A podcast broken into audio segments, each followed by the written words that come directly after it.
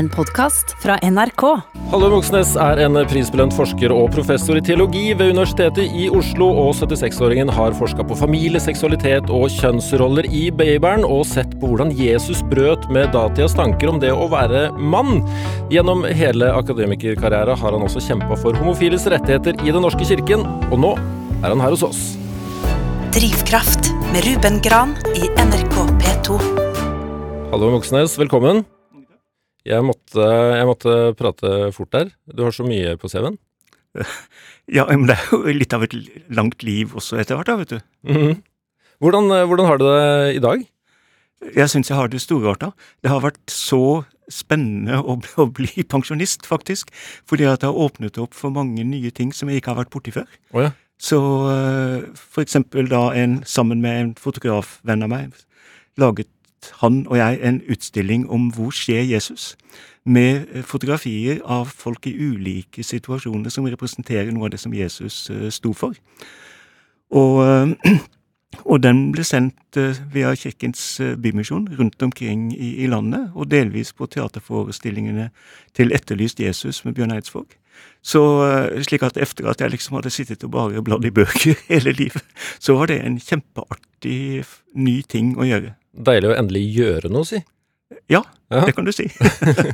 Eh, men eh, det er jo slik at eh, påska er rett rundt hjørnet. Og når vi har en, en mann av ditt kaliber her, så kan du hjelpe oss til å friske opp minnet litt. Hvorfor har vi påske? Eh, påsken er jo til minne om den avsluttende uken i Jesu liv, eh, med reisen opp til Jerusalem, inntoget på palmesøndag, og så da det siste måltidet med disiplene på skjærtorsdag. Eh, deretter arrestasjonen, og så forhøret og henrettelsen på langfredag. Eh, gravleggingen, og så eh, første påskedag, da de som kom til graven opplevet at den var tung, tom, og altså begynte å tro at Jesus var stått opp fra de døde. Så eh, slik at det er fra, skal vi si, en slags eh, inngangstriumf, så en krise, nederlag, død, og så da eh, oppstandelsen, troen på oppstandelsen, jubelen første påskedag, hvor sola begynte å skinne igjen. Men- Men som du sa, så Jesus kom jo til eh, Jerusalem for å feire påske. Eh, Så påsken fantes før Jesu tid da? Ja, eh, fordi historien til påsken er jo eh, da jødene eh, var fanger, eller tvangsarbeidere, eh, i Egypt.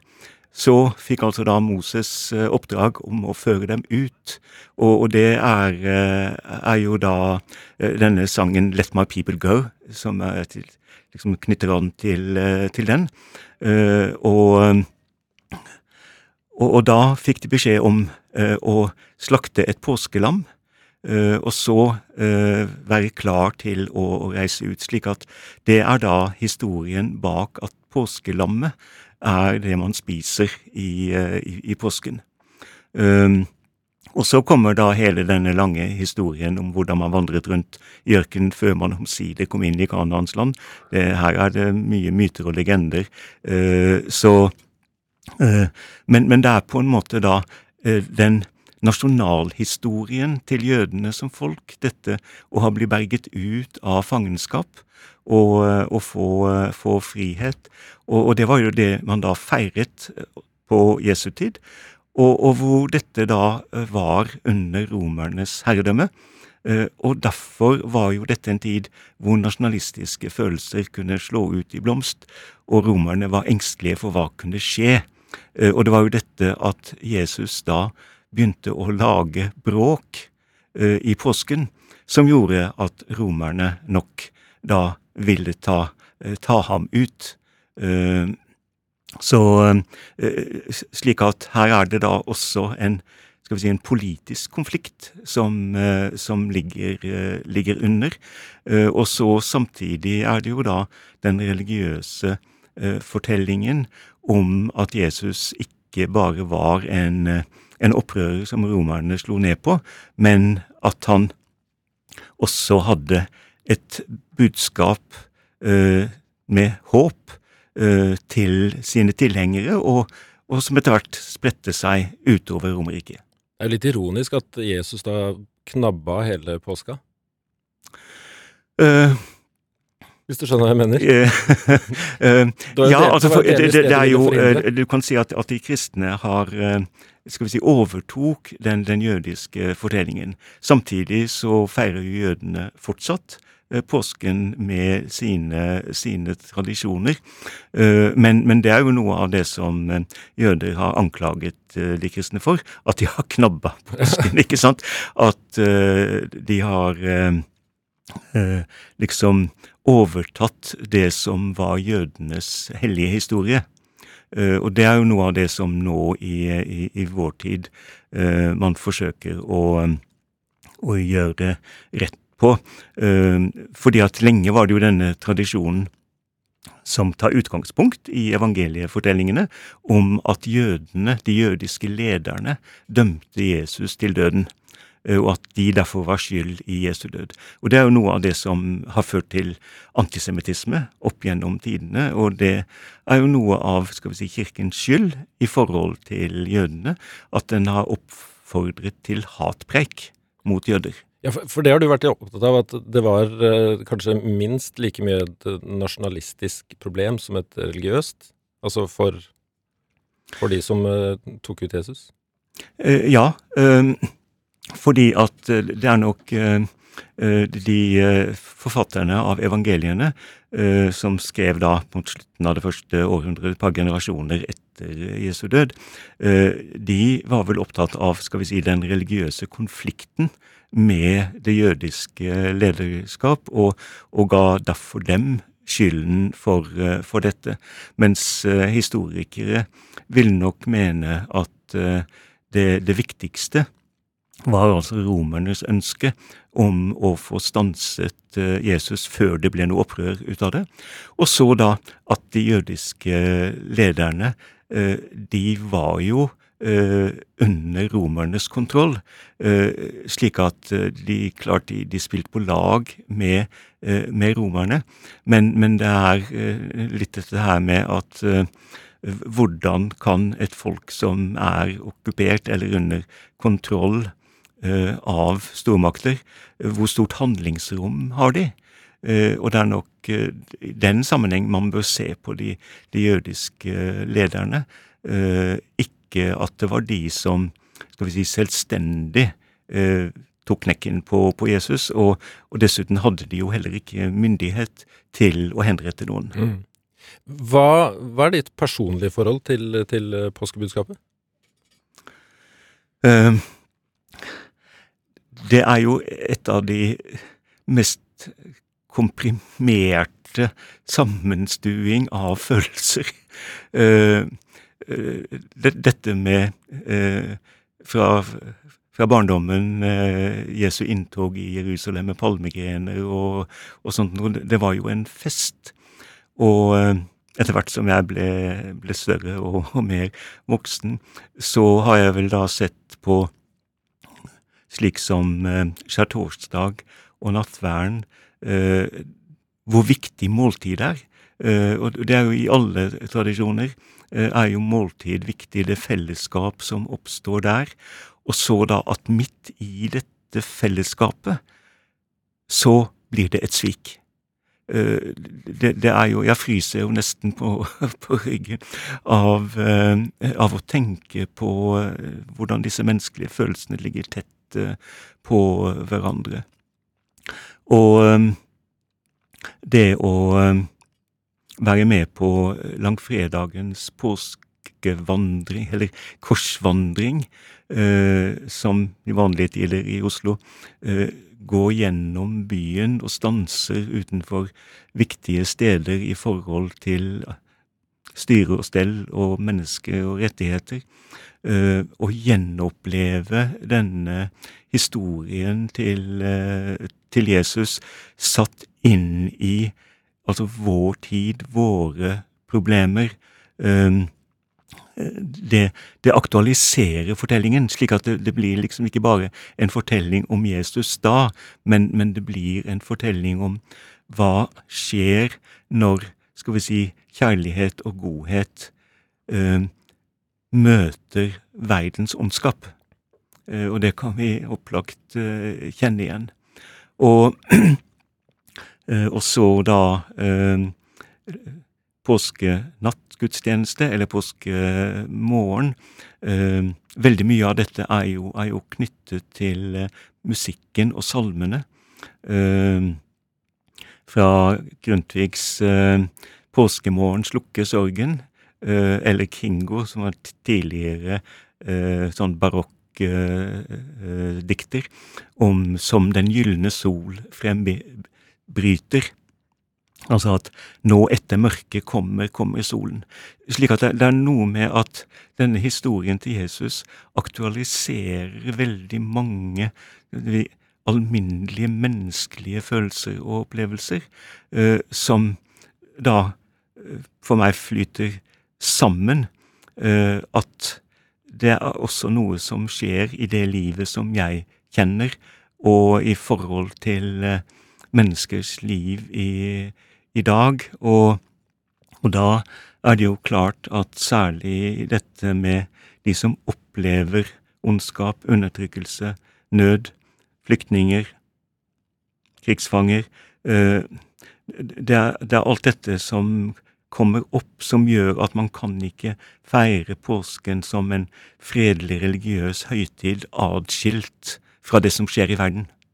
Fordi Jesus i sitt liv viste at han ikke levde adskilt fra folk, mm. men, men, levet sammen med dem. Men kan man likevel si at påsken er essensen av kristendommen? Ja, fordi at det var, var med påsken man eh, startet eh, feiringen av, av, av, kristendommen. Så påsken eh, var jo den tidligste kristne høytiden man feiret. Lenge før julen kom først på 300-400-tallet. Den var ikke så, så viktig. Så og, og, det var jo at møtet med, med, Jesus og den tomme grav, oppstandelsen, at den skjedde på, på søndagen førte jo til at de kristne valgte det som sin viktigste festdag. Og, eh, altså fra eh, sabbaten, som var fredag til lørdag, eh, så, så skiftet man altså slik at, at, det ga seg utslag i kalenderen, dette. Mm -hmm. Hva tenker du, har, har påska kommet ufortjent i skyggen av jula blant folk flest? Ja, Uh, jeg tror det. Uh, fordi at uh, julen er jo blitt familiehøytiden. Eh, og, eh, og, det er veldig flott med det lille barnet, og, og, og, det å tenke på sårbarheten, at Gud kommer som et lite barn, ikke som en mektig konge. Eh, det, det er et flott budskap. Men det er noe med at etter hvert som folk har begynt å reise på påskeferie, så, så har påsken da glidd ut av eller disse påskedagene og feiringene der, glidd ut av mange folks uh, bevissthet og tradisjon. Du drar ikke på hytta i påska? Uh, av og til så gjør jeg det, som oftest ikke. Uh, fordi at jeg Og jeg skal være helligdagene i påsken i Oslo, men problemet er jo i år at for andre gang på tusen år etter kristendommen kom til Norge, så er det ikke gudstjenester i påska. Ja, hva, hva gjør det med, med feiremulighetene? Altså, det, det, vil jo være strømmede eh, gudstjenester, ikke sant, hvor, eh, hvor det er eh, prester, organist, et lite kor som eh, innenfor smittevernreglene kan, eh, kan, gjennomføre en gudstjeneste, og den blir, blir strømmet. Men, men det, det, fysiske eh, mister man jo, f.eks. påskenatt, å sitte i en mørk kirke, og når prosesjonen kommer inn med, med det store påskelyset, og man synger 'Kristus er oppstanden', og får tent sitt lille stearinlys som man sitter med. Eh, altså den, den fysiske opplevelsen av å være med på, på dette. Den, den, mister man. Og fellesskapet med andre mennesker. Ja, hvordan var det i fjor, da? Din, der, der, du vanker, holdt jeg på å si? Ja, jeg, jeg har jo de, de, siste årene vært sånn frivillig i domkirka til å være med og, og, og delta ved, ved, gudstjenestene der. Og, og, ikke sant, man Eh, når prosesjonen kommer inn i kirken med presten og kor. Man reiser seg, man står og, og, og synger. Det er da nattvær også, hvor man går fram og, og mottar brød og, vin. Eh, og, det er fredshilsen, eh, hvor man sier 'fred være med deg', og trykker naboen i benken i hånda. Altså, ikke sant? Alt dette fysiske mister man. Så, så det er et savn. Eh, du er nok rette mann til å spørre om det. Mange av oss er veldig forvirra. Hvorfor kommer påska til forskjellig dato hvert år? Det, det, det, kommer av at man har eh, fulgt den, den jødiske eh, kalenderen, eh, slik at det er, det er, første søndag efter første fullmåne efter vårjevnde. Det, det, er ikke lett å holde styr på? Nei? Eh, det, det, det, er det, er det ikke. Uh, så men, men, men, uh, men, det er jo noen som klarer å holde styr på dette, da. Og, og så måtte man jo skifte kalender en gang på var det 1600-tallet, fordi da hadde disse omdreiningene rundt til sola hadde kommet av, ut av av kontakt, liksom. Eller slik at man måtte hoppe over noen, eh, noen dager for å, å, komme tilbake igjen i Fordi at året er ikke eller gangen rundt sola er ikke eh, akkurat 365 dager, men det er noen timer ekstra, og det skaper da ubalanse. Men uh, men som sagt, eh, hvis eh, man bare følger med hvordan jødene pleide å gjøre det, så, så kan sånne folk som lager almanakker, eh, ordne opp i det der. Du hører Drivkraft i NRK P2. Det gjør du så absolutt, og dagens gjest er forsker og teologiprofessor Halvor Moxnes, som har eh, hjulpet oss litt gjennom eh, påska som snart eh, står for tur her. Du har også forska en del på, på, Jesus og maskulinitet. Hva, hva, fikk deg til å ta fatt på det? Det er jo det at, at, at Jesus er et ideal for veldig, veldig mange mennesker. Og, og, da begynte jeg å lure på er han et typisk mannsideal. Eh, fordi eh, de som har skrevet evangeliene, eh, var jo alle sammen menn. Eh, og, og, det er menn som stort sett opp gjennom historien har fortolket og forkynt eh, Jesus. Eh, og, og, kvinnebevegelsen som da kjempet for, for kvinners likestilling og mot patriarkat og, eh, og, og, og sånt. Eh, de stilte jo blant annet spørsmålet kan en mann frelse kvinner? Ikke sant? Eh, er det, er det, hvordan kan kvinner identifisere seg med, med, Jesus? Og det gjorde meg jo da interessert i hvordan har Jesus blitt, blitt tegnet? Og i Det nye testamentet, i evangelienfortellingene, eh, så har det vært ulike synspunkter på det. Jeg har kollegaer som har ment at Jesus er tegnet i, i bildet efter det romerske mannsideal, eh, hvor keiseren eh, jo da med sin makt var mannsidealet.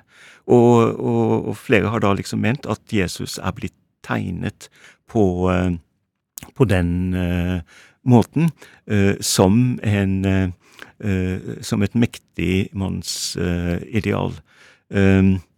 Jeg har i stedet for forsøkt å, å se på at det, det, er ikke skal vi si, stormennene og de mektige som har dannet bilde for, for Jesus, men det er helt alminnelige folk, altså fiskere og, og gjetere, Eh, slik at eh, det er ikke storheten, eh, men, men, det er mer, skal vi si, ydmykheten, understrekelsen av, av fellesskap mellom alminnelige folk. og også da at Jesus jo brøt med mannsrollen og, og, og, liksom husholdet med patriarken. For Jesus kalte jo faktisk, og det var stort sett de fortellingene vi har, at han kalte unge menn til å forlate den mannsrollen de sto i, og, og følge, uh, følge, ham. Uh, selv om det utsatte dem for, uh, for lidelse. Så slik at jeg tror at noe av det provoserende ved Jesus, som gjorde at det ikke bare var skriftlærde og fariseere som ble provosert, men også helt alminnelige folk. At her sier han du skal eh, droppe begravelsen av din far, du skal komme og følge meg. Altså det, det bryter jo liksom ned hele samfunnet. Eh, så, så, så det Derfor så eh, så det var kanskje litt sånn provoserende at jeg skrev en bok hvor jeg da kalte Jesus for skeiv. For det gjorde du? Ja. ja. Hva slags reaksjoner fikk du på det? Det var jo uh, litt, litt, litt blanda uh, reaksjoner. Uh, men det var en del folk som, som så poenget. Fordi at vitsen Jeg prøvde ikke å si at Jesus var homo. Det, det, det var ikke det jeg mente med skeiv.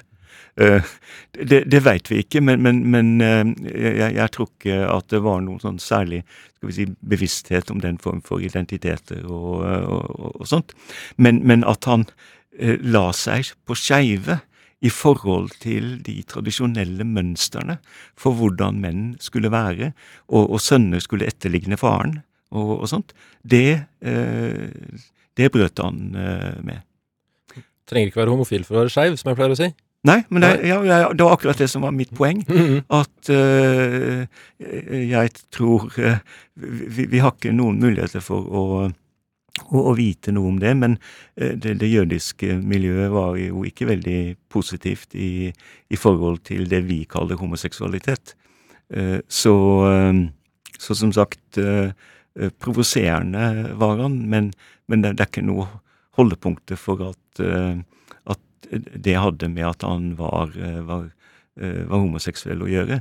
Det, det betyr ikke at, eh, at, han ikke har vært et, et, ideal for homofile. Jeg har en kollega som skrev på 80-tallet en bok som 'Jesus Acted Up'.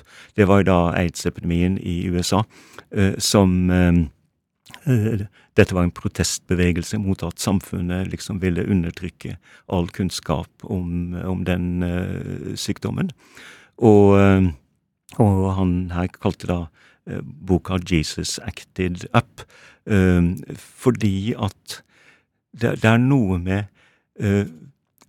Veldig mange mennesker opplever at de er skeive i forhold til forventninger i, i, i samfunnet.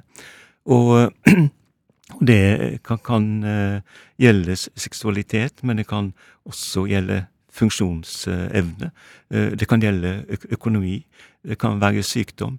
Eh, og, og, og derfor så er det, tror jeg, viktig at Jesus ikke blir laget til et ideal for kjernefamilien. Men som, Nå skal ikke jeg tillegge deg noe som helst men som homofil teolog, da, så kan det jo høres ut som du har lett etter en slags rettferdiggjøring? Um, når jeg har vokst opp i en, en, en, kirke som så dominerende har sagt at uh, innenfor kristendommen er homoseksualitet fy, uh, basert på et veldig tynt grunnlag av uh, tekster, men en lang, lang patriarkalsk tradisjon, så er det jo ikke det minste rart eh, at jeg vil pirke borti eh, den forestillingen om at Jesus bekrefter kjernefamilien, og alle som ikke passer inn i kjernefamilien, det er verst for dem. Mm. Og, og, da er det å oppdage hvordan Jesus veldig mye var sammen med og rettet sin oppmerksomhet med. Eh, syke, spedalske, folk på utsiden av, av samfunnet, kanskje prostituerte, eh, de som ble kalt syndere, og, og tollere som eh, hadde en, en, veldig skal vi si, mistenkeliggjort status. Altså da det, det, er noe med at Jesus' bilde av Guds rike er ikke den, det normale patriarkalske kjernesamfunnet. Det er eh, salig er dere fattige, eh, salig er dere som sørger, salig er dere som blir forfulgt. Altså, og, og, og dette er jo ikke en sann beskrivelse av hvordan verden er, men, men den er skal vi si, et håpsutsagn eh, om hvordan, hvordan, en bedre verden kunne være. Eh, det er jo som Martin Luther King, 'I have a dream'. Eh, slik at eh, eh, jeg vil si at eh, Jesus hadde a, dream om en, en verden som inkluderte alle, og som ikke gjorde forskjell på folk. Jesus har jo vært, for å si det mildt, utsatt for en, en enorm ikonisering opp igjennom. Sånn rent konkret, i, altså hvor mange malerier og forskjellige utforminger finnes det av Jesus-portretter finnes det? Har, har, Jesus vært tjent med alle maleriene, tror du? Med hmm. tanke på f.eks. kjønnsroller, da? Tja, det der var et uh, jeg, jeg, jeg, tror nok at uh, uh, du har fått en en ensidighet i fremstillingen av, av Jesus. mange kjenner jo denne skulpturen til Thorvaldsen om en sånn hvit marmorskulptur hvor Jesus står med utslagne armer og velsigner folk. Og og hvor eh, veldig mange av altertavlene eh, også er sånn skal vi si, historiserende, vil forsøke å bringe oss tilbake til det første århundret. Og det tror jeg kan fjerne eh, Jesus fra folk. Eh, min yndlingsaltertavle eh, er i Hamar eh, domkirke, den minste og vakreste domkirken i, i Norge, hvor jeg feiret jul i 40 år. og Henrik Sørensens bilde av den unge Kristus som løfter hendene med å, og bryte dødens lenker. Dette er et bilde fra liksom, hva oppstandelsen betyr. Men dette er en ung, moderne mann. Uh, som det er mulig liksom å kjenne igjen, uh, slik at han river på en måte bort noe av, av den distansen som disse skal vi si, historifiserende bildene ofte har hvilken Jesus er det som dominerer nå, i, i 2021? Hvis det spørsmålet gir mening? Um, ja, uh, jeg, jeg, tror at uh, for mange så uh, er Jesus den som identifiserer seg med de svake, de utstøtte, Altså at Jesus er, er, ikke fjern. Jeg hadde en doktorand fra Tanzania som studerte tekster, Johannes evangeliets bilder av, av, Jesus i møte med stigmatiserte personer. Uh, og uh, han leste disse tekstene uh, sammen med folk med hiv-aids i Tanzania. Og jeg var nede i Tanzania og traff den gruppen han arbeidet sammen med. Og, og, det som skjedde med dem gjennom dette bibelstudiet, var at istedenfor Jesus som den kirkens autoritet, så oppdaget i Jesus som den som vandret sammen med seg i de vanskelighetene som, som de hadde. Så um, jeg vil, skal vi si det sånn, jeg vil håpe at det er dette bildet som blir sterkt for, uh, for mange. Drivkraft i NRK P2. Og her er det Halvor Moxnes uh, som uh, befinner seg sammen med meg, forsker og teologiprofessor. Og dessuten, på på 70-tallet så var du åpent eh, homofil eh, på universitetet. Ja. Eh, homofili var rett og slett ulovlig eh, i Norge frem til 1972. Eh, hvor skal jeg begynne? Hvordan var det? jeg opplevde ikke det som Skal vi si Jeg var vel en ganske forsiktig åpen homofil, og, og dette var jo regler eller lover som ikke ble fulgt opp veldig av, av politiet. Men det lå der hele tiden, slik at det å få fjernet de lovene var jo veldig viktig, og, og her er jeg jo veldig takknemlig for at jeg helt siden da har kjent Kim Friele, som jo var den foregangskvinnen uh, for opphevelsen uh, av uh, den paragraf 132 som var liksom forbudet, og, og som senere hele tiden jobbet for lik situasjon, lik rettferdighet for homofile og, og, og lesbiske. så var jeg i USA mye av, av 70-tallet, slik at jeg opplevde ikke direkte den, den overgangen. Uh, så det var vel mest på, på 80-tallet at, at jeg kom inn i litt mer sånn aktivistisk arbeide i, i forbindelse annet da med de solidaritetsgudstjenestene, det som uh, nå heter Pride Week, var da en sånn solidaritetsuke for homofile og lesbiske, og med ikke så mange, mange tusen mennesker.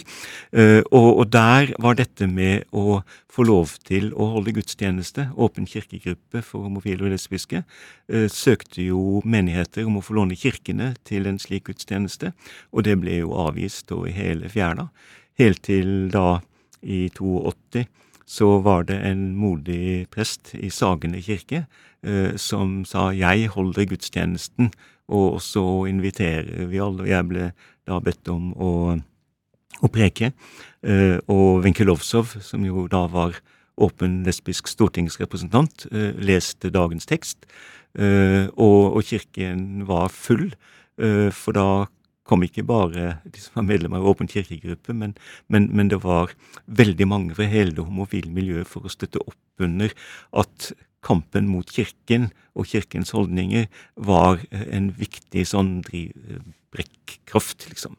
Hvordan var det? Det må ha vært en fantastisk følelse å få gjennomført den gudstjenesten?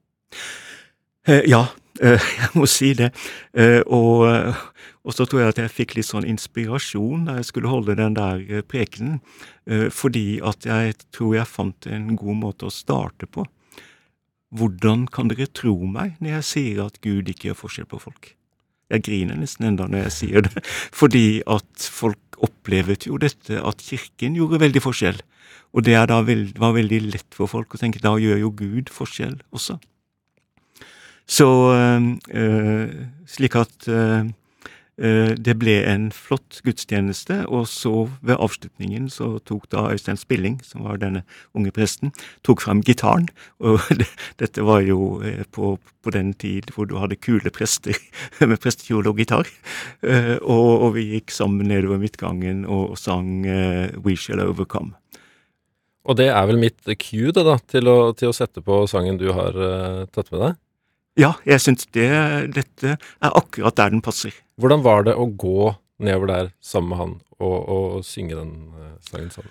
Ja, det var veldig sterkt. Alle i kirka sto jo, ikke sant, og, og, og sang. Ja. Nei, det er en av mine sterkeste opplevelser.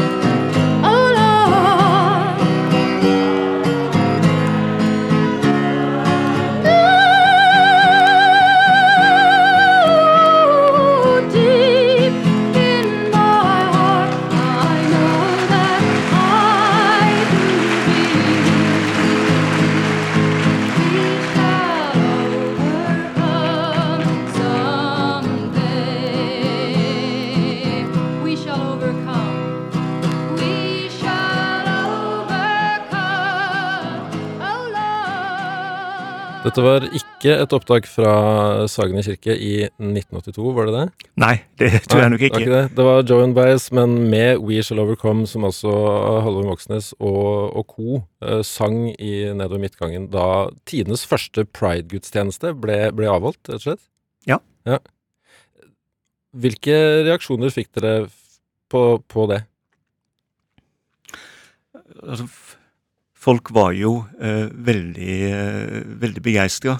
Eh, det, det, var det ikke tvil om. Og eh, jeg, jeg tror jo også at eh, eh, At den fikk vist at kristne homofile ikke var noen skumle opprørere, men at dette var skal vi si, det sentrale kristne budskapet som skulle komme fram. At Gud ikke gjør forskjell på folk.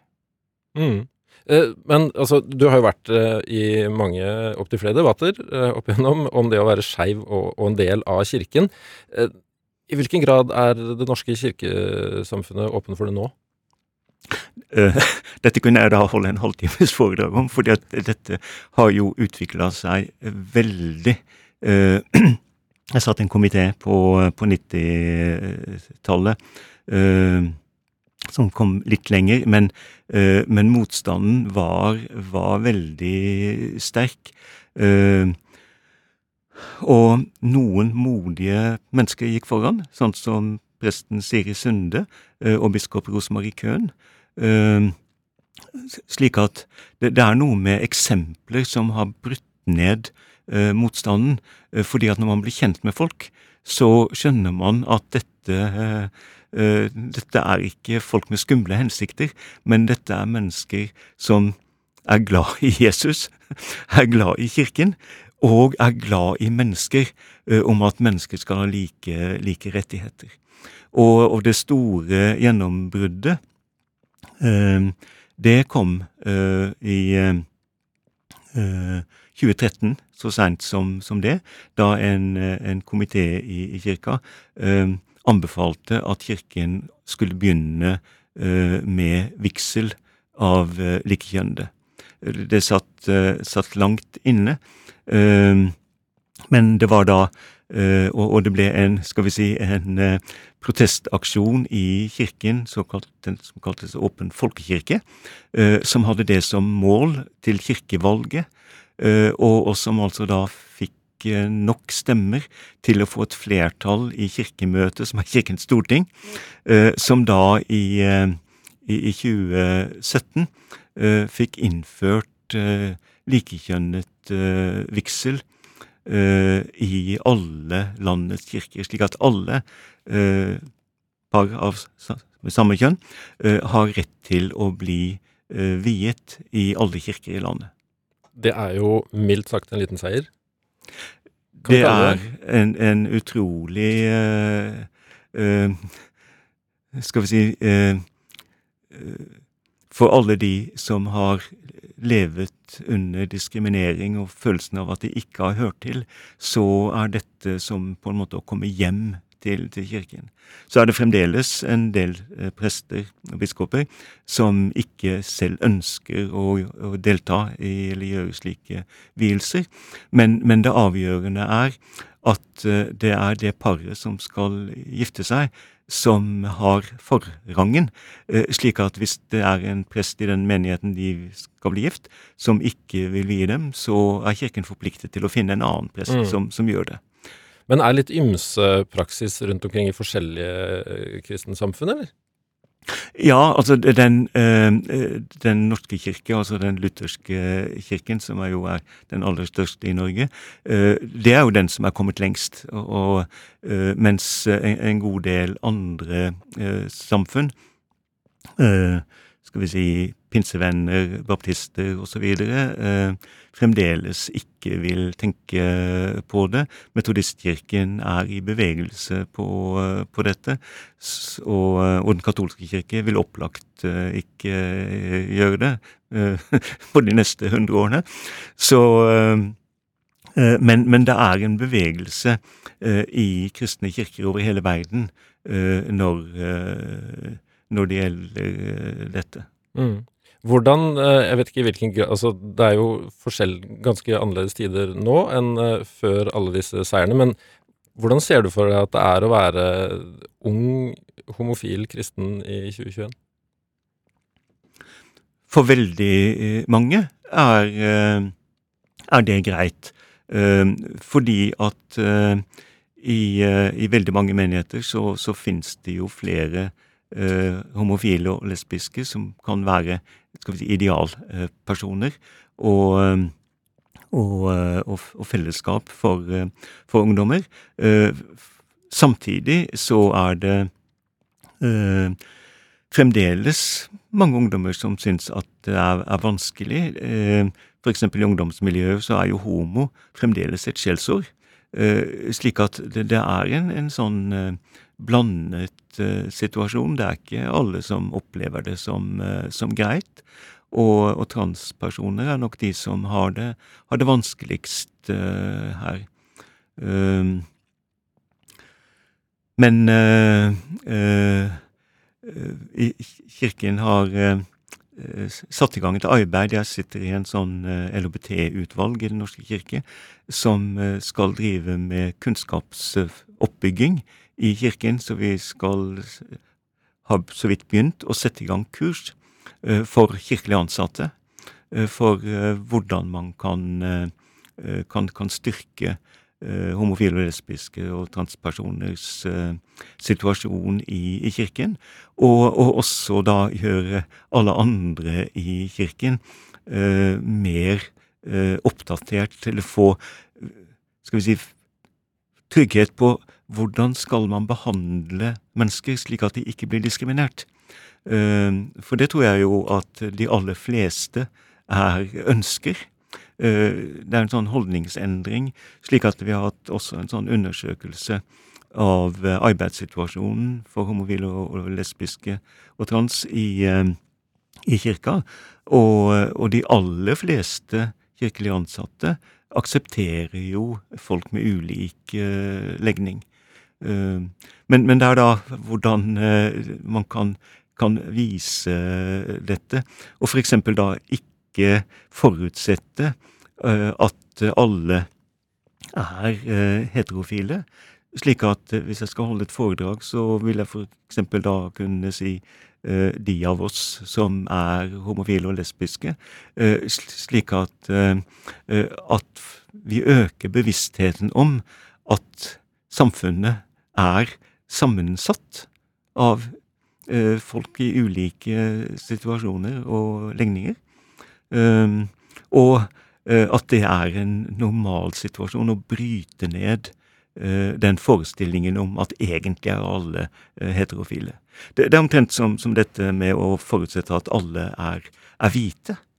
At hvite er det normale, og så er det noen som er fargede.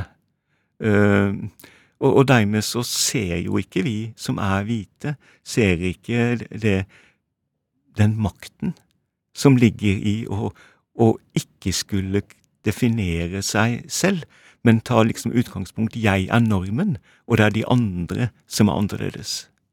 Det slår meg når jeg hører deg fortelle her. Altså, hadde den unge Halvor Moxnes vært stolt av den du er nå? Eller hadde, eller hadde han satt pris på å ha en som deg i, i, i, i livet sitt eller kirka si? Uh, ja, eh, jeg, jeg ble jo hjulpet av, eh, av mine lærere på teologisk fakultet, slik at det er noe med Jakob Jervel og Inge Lønning. Det er noe med allmenne holdninger om at alle mennesker har rettigheter og lik verdi. Eh, og, og så er da eh, at det eh, gjelder også for homofile og lesbiske. Det er en del av det alminnelige, slik at noe av dette å bli alminneliggjort, og ikke lenger være et problem, oppfatter jeg som, som det viktigste. Men ja, altså jeg er ganske fornøyd med at jeg har på en måte holdt fast ved idealene fra ungdommen. Mm. Når, når, eh, forsto du at du, at du var homofil? Um, jeg hadde nok noen tanker om det uh, i, uh, i ungdomsalderen på skolen og sånt, men, men, da var jeg hovedsakelig aseksuell.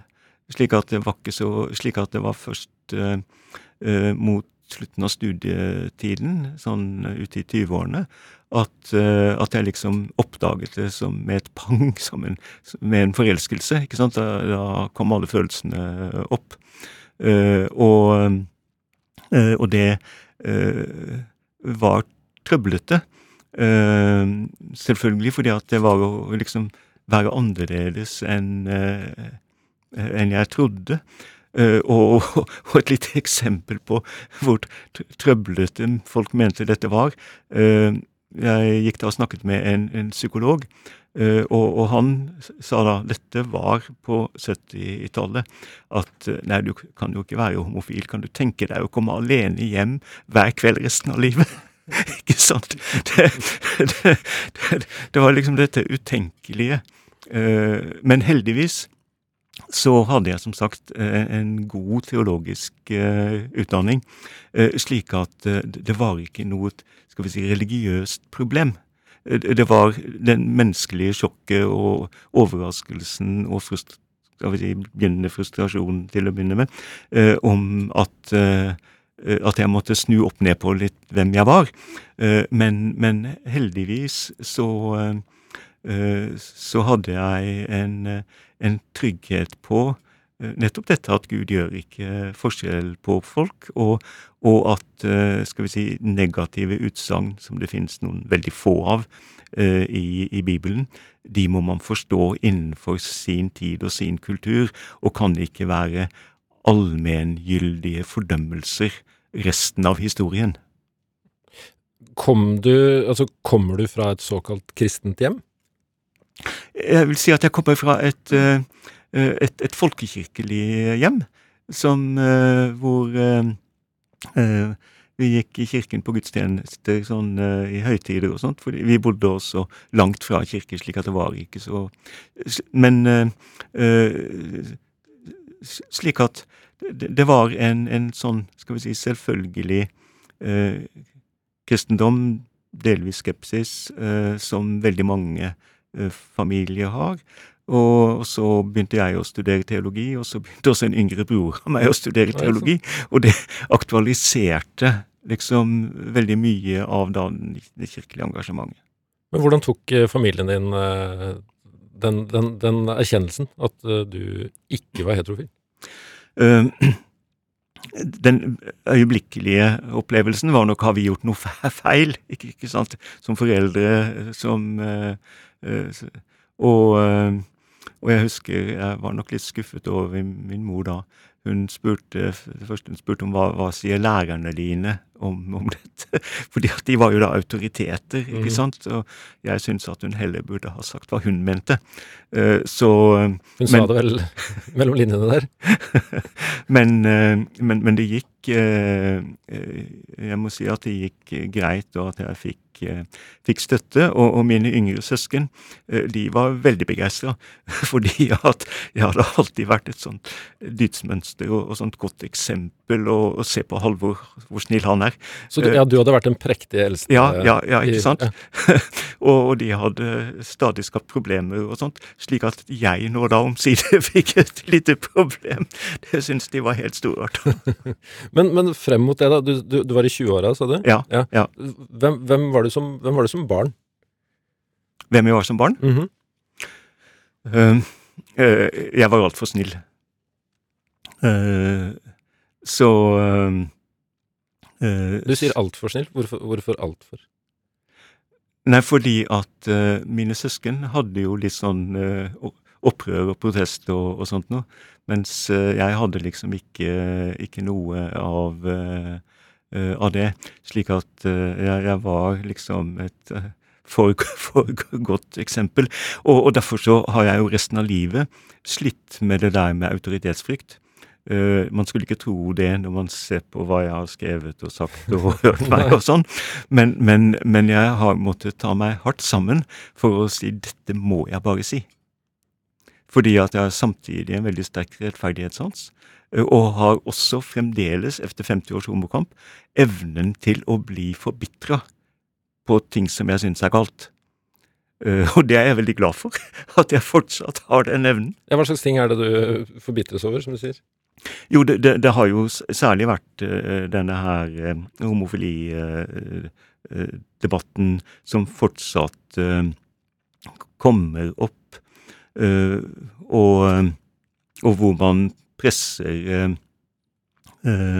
Legger et press på, på folk i en god del kirkelige miljøer og, og, og sånt. Så Og, og attpåtil påstår at dette er Bibelens sannhet. Det er da, da blir jeg virkelig provosert. Fordi jeg har studert Bibelen i 50 år eh, og mener at jeg har noe å si om det, og at det, kan være forskjellige måter å tolke ting på. Men uh, man må ikke komme her og, og, og, si til meg om at noe er Bibelens sannhet, uh, som jeg mener er deres egne meninger kamuflert med bibelsteder. Ja, kan du, eller Jeg har sett at du nærmest har gjort det i, i kommentarform, men altså, kan du bli så sint at du hever stemmen? Eh, jeg har nok i noen debatter uh, kunnet uh, være det. Ja, ja da, jeg, jeg, husker Dette går tilbake igjen til 80-tallet antagelig, sånn TV-debatter og, og, sånt, hvor jeg virkelig har liksom slått til. Men du har jo også vært eh, politisk engasjert eh, siden Altså, du, du, var en klassisk 68-er, du? Eller forholdsvis ja, klassisk, i ja, hvert fall. Ja, ja da. Hva, hva, er det som vekker eh, Jeg tror ikke vi har tid til alt som vekka engasjementet ditt da, men hva, hva, er det som vekker det politiske engasjementet ditt i dag? Det er jo uh, først og fremst uh, urettferdighet. Altså at uh, og, og, og, det gjelder både hjemme Eh, og, og ute i, i, i, i verden. Eh, og i, her i Norge så er det nok særlig dette med stigmatisering av f.eks. innvandrere og flyktninger som jeg føler er en en veldig urettferdighet, og, og hvor man man får inntrykk av uh, i 2015, flyktningkrisen da uh, Det ble jo fremstilt som en krise for Europa. Mens man ikke, At det kom så mange flyktninger. Mens man ikke snakket om den krisen det var for disse menneskene som var jaget på, på, på flukt. Altså det, det, er noe med de perspektivene i noen av disse uh, debattene som, som, gjør meg virkelig opprørt, og det er en sånn selvgodhet og, uh, og sjåvinisme som Ja, jeg klarer ikke å bare si at jeg blir forundret over det, men, men jeg blir provosert av det fordi at jeg syns at det bryter med tanke om menneskeverd og menneskerettigheter. Halle Moxnes, hva er drivkraften din? jeg tror jo at jeg nettopp har sagt at noe av, av dette, dette med at jeg blir provosert av urettferdighet, det tror jeg har vært en kjempesterk drivkraft gjennom hele, uh, hele livet. Og, og så, så, har jeg nok også da en, en, en sterk ansvarsfølelse. At dette må jeg gjøre noe med. Uh, og selv om det er ikke mye jeg kan, eh, kan gjøre med det, men, men, i hvert fall å, å si ifra om det. Delta i, uh, i, i, i debatter.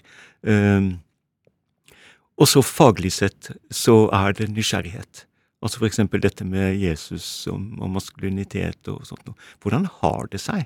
dette, hvordan kan man forstå Jesus som, som mann? slik at jeg tror det er vel kanskje de de tre tingene jeg vil eh, Og så blir jeg, eh, blir jeg jo båret fram av mennesker som er glad i meg, av vennskap. Altså, jeg har jo den fordelen at jeg har en veldig trygg sosial situasjon, som gjør at det er mulig å gjennomføre dette, at jeg får støtte av mennesker som betyr noe for meg. Hallo Moxnes, tusen takk for besøket. Takk til deg. Du kan selvsagt høre flere Drivkraft-samtaler i NRK-appen, og så kan du laste oss ned som podkast, og ikke minst så må du gjerne sende oss ris og ros og tips til eh, folk du mener har drivkraft. Eh, det kan du gjøre til drivkraftalfakrøll.nrk.no. Produsent og generell klippe i dag har vært Julia Martincic, og nå får du straks siste nytt fra NRK Nyheter her i P2. Jeg har vært eh, Ruben Gran. Fred være med deg. Vi hørs. Du har hørt en podkast fra NRK. Hør flere podkaster og din NRK-kanal i appen NRK Radio.